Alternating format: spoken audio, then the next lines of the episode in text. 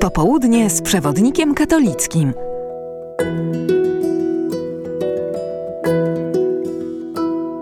Ksiądz Wojciech Nowicki, witam i zapraszam, byśmy wspólnie przyjrzeli się, co w najnowszym numerze przewodnika katolickiego jest ciekawego do przeczytania.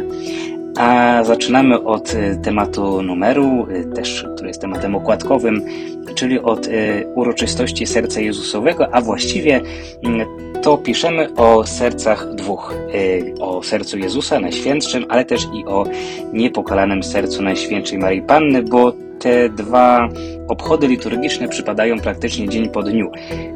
Starsze poniekąd, choć liturgicznie może ustanowione nie aż tak dawno, ale jednak w tradycji niemal od początku chrześcijaństwa czczone serce Jezusa.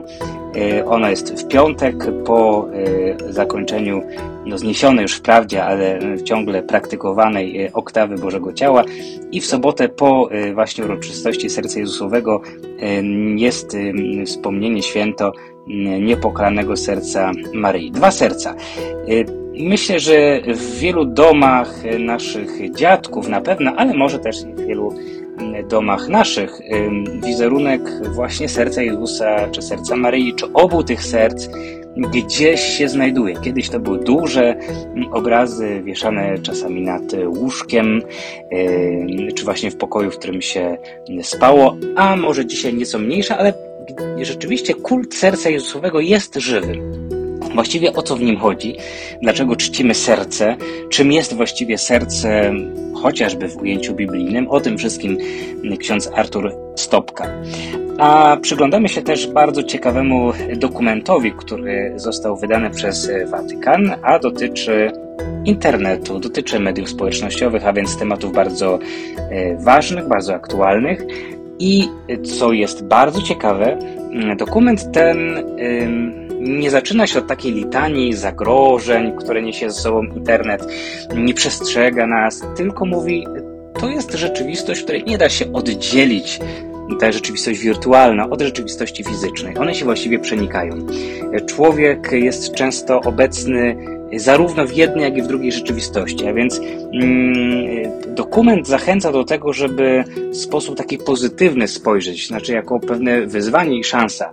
Używanie internetu, używanie mediów społecznościowych, ten nowy rodzaj komunikowania się, cały świat wirtualny, dokument postrzega jako pewnego rodzaju szansę, a nawet konieczność zaistnienia w tej przestrzeni, nie jako alternatywnej, ale właśnie jako takiego pewnego do uzupełnienia też do tej rzeczywistości fizycznej, takiej, no, ujęlibyśmy może to w słowach tradycyjnej.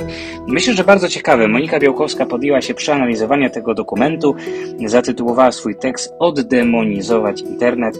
Myślę, że warto y, zobaczyć, jak Kościół próbuje y, w nowy sposób patrzeć na, na to, co przynoszą nam nowości technologiczne, w tym y, nowości w dziedzinie komunikowania się. A w naszym cyklu Świeccy w Kościele Elżbieta Wiater, poradnik inwestora, czyli świeccy i skarbiec. Przypomnę, że to jest taki cykl, który wynika z jednej strony z, tych, z, z tego działania zainicjowanego przez papieża, czyli synodu synodalności, o też dowartościowaniu właśnie roli świeckiej w Kościele. Z drugiej strony papież przygotowując nas do roku jubileuszowego 2025 zachęca do tego, żebyśmy sięgali do Konstytucji Soboru Watykańskiego II i łącząc trochę te dwa wątki, właśnie ten cykl Świeccy w Kościele, który Elżbieta Wiater dla nas pisze, tym razem o skarbcu biblijnym, to znaczy o roli Pisma Świętego, również czytaniu Pisma Świętego, samodzielnym czytaniu Pisma Świętego, czy jak, czy można, jak należy to robić i dlaczego czytanie Pisma Świętego w liturgii ma jednak zawsze pierwszeństwo o tym wszystkim właśnie Elżbieta Wiater. Coś dla duszy to niewątpliwie rozmowa z Alfredą Walkowską. To rozmowa, którą przeprowadziła Małgorzata Bilska, a jest to rozmowa o dojrzałości według świętej Hildegardy. Oryginalna myśl Hildegardy może się stać bardzo atrakcyjna dla współczesnego człowieka, bo porządkuje chaos poznawczy, a ma też konkretne walory zdrowotne. Tak mówi założycielka Polskiego Centrum Świętej Hildegardy. To również polecam.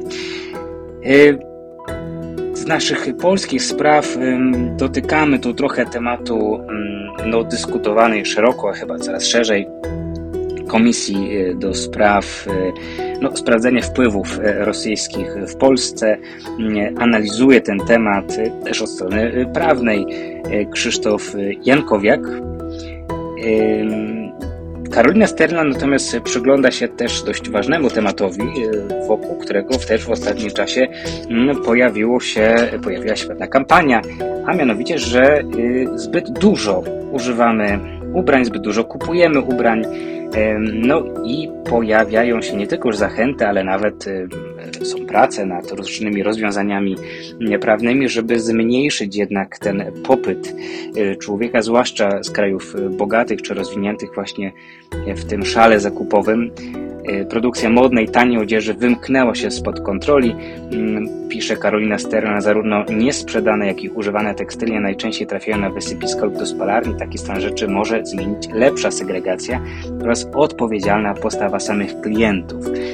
60 tysięcy to jest liczba tego tekstu. Różnych modeli ubrań są w stanie zaoferować klientom w ciągu roku największe sieci odzieżowe. E, to polecam e, jak najbardziej ten tekst, e, żeby mieć świadomość. Myślę, że warto też sięgnąć do tekstu Ani Druś, Anny Druś. Młodzież wraca do książek Ale. Czym jest owo mm, Ale? Zdradzać oczywiście nie będę, ale myślę, że mogę zdradzić, że Anna Druś pisze, że mamy dwie wiadomości, jak to zwykle bywa. Jedna jest dobra, a druga niekoniecznie, bo dobra jest taka, że rzeczywiście wśród polskich nastolatków wraca moda na czytanie książek. Natomiast ta mniej dobra albo niekoniecznie dobra wiadomość brzmi, że nie jest to literatura wysokich lotów, choć odrywa od komputera i smartfona.